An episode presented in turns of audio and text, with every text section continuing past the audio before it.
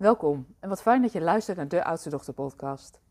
Mijn naam is Eike Borghuis en het is mijn intentie met deze podcast om je bewust te maken, je te inspireren van al die mooie kwaliteiten die je hebt als oudste dochter. En ook van de valkuilen. In ons bedrijf helpen we oudste dochters die zich vrijer willen voelen, meer energie willen en ja, meer plezier willen ervaren in het leven. En tegelijkertijd ook maatschappelijke impact maken. Ik heb een bestsellerboek geschreven, Het Verborgen Leiderschap van Oudste Dochters. En in deze podcast neem ik je graag mee in.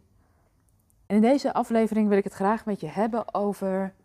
De enige die blij is dat jij over je grenzen heen gaat, is je ego. En ik neem je even mee naar de afgelopen week. Want het was zaterdagochtend en het was regenachtig, dus ik had niet zo'n zin. En toch voelde ik, ik moet toch naar die sportschool. Dus met frisse tegenzin heb ik me daar naartoe gesleept voor een pilatesles.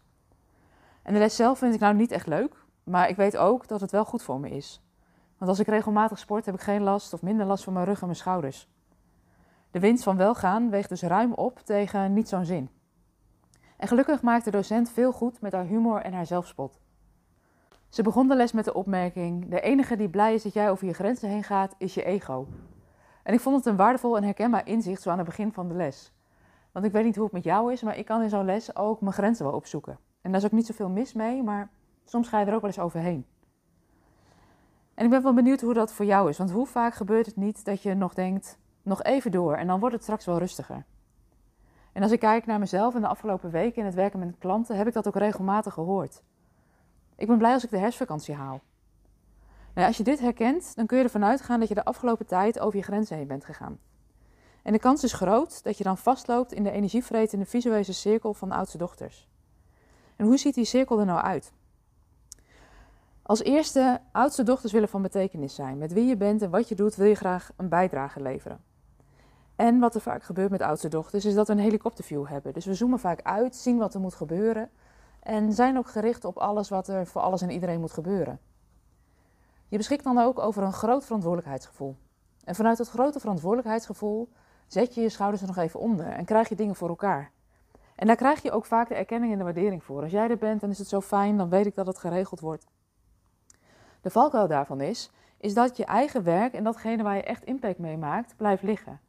Want de kans bestaat dat je je daardoor laat leiden door de waan van de dag, de brandjes die op je afkomen, maar dat je eigenlijk niet of te weinig toekomt aan die dingen die op lange termijn echt het verschil maken. Dat grote project, wat je bijvoorbeeld wel wil realiseren. En wat je kunt merken is dat je merkt aan jezelf dat je te druk bent. En je kunt het bij jezelf herkennen als je haast krijgt, als je je druk voelt, als je naar je agenda kijkt en je wordt al moe als je er naar kijkt. En je merkt dan ook in de praktijk dat je over je eigen grenzen heen gaat. Of dat is eigenlijk zo'n signaal. Als dingen voelen als moeten, weet je dat je vaak over je eigen grenzen heen bent gegaan. En op wilskracht en op doorzettingsvermogen hou je dat best wel een tijdje vol. En tegelijkertijd, als je heel eerlijk bent naar jezelf, dan voel je ook wel dat het knaagt. Van is dit het nu? Ik ben deze baan of dit project toch met een andere intentie begonnen en waarom lukt het nou niet of waarom voel ik me nou zo? En dan zijn we ook weer terug aan het begin van de cirkel, want je wil eigenlijk gewoon van betekenis zijn.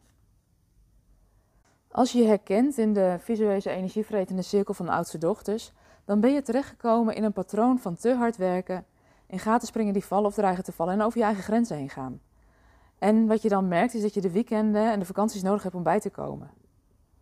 Als je heel eerlijk bent naar jezelf, voelt dat als leven? Ik denk dat als je heel eerlijk bent naar jezelf, dat dit geen leven is, maar overleven. En dat je dus in de overleefstand terecht bent gekomen. Hoe zou het zijn dat je de vakanties niet meer nodig hebt om bij te komen, maar kunt gebruiken voor lummeltijd? Voor tijd voor jezelf, voor mensen die je dierbaar zijn. En dat is de reden dat ik op woensdag 26 oktober om half tien weer een masterclass geef, het verborgen leiderschap van oudste dochters waarin je ontdekt hoe je deze energievretende visuele cirkel van de oudste dochters, hoe die ontstaat, maar ook wat de sleutels zijn om anders te gaan bewegen in dit patroon, zodat je je vrijer voelt en meer energie, innerlijke rust en voldoening ervaart. Deze masterclass is online, hij is ook gratis toegankelijk en ik zal in de show notes ook de link toevoegen hoe je nog kunt aanmelden als je erbij wil zijn. Weet dat je welkom bent. En weet ook dat als je al eerder met een ja, met deze inzichten op de bank wil, dat je ook het boek zou kunnen bestellen. Het verborgen leiderschap van oudste dochters. En ook daarvan zal ik de link toevoegen in de show notes. Luister je deze podcast nou later dan 26 oktober? Geen vrouwen overboord? Weet dat je op de website ook altijd de actuele data's kunt vinden voor de masterclass, want die geef ik heel regelmatig. En weet dat je heel welkom bent.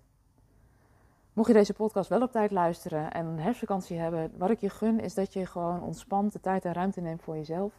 En uh, lummelen is uh, niet zonde van je tijd, het is hersteltijd. En dat is wat ik je gun. Dus ik wil je een hele fijne dag wensen vandaag. Dankjewel voor het luisteren en tot een volgende aflevering.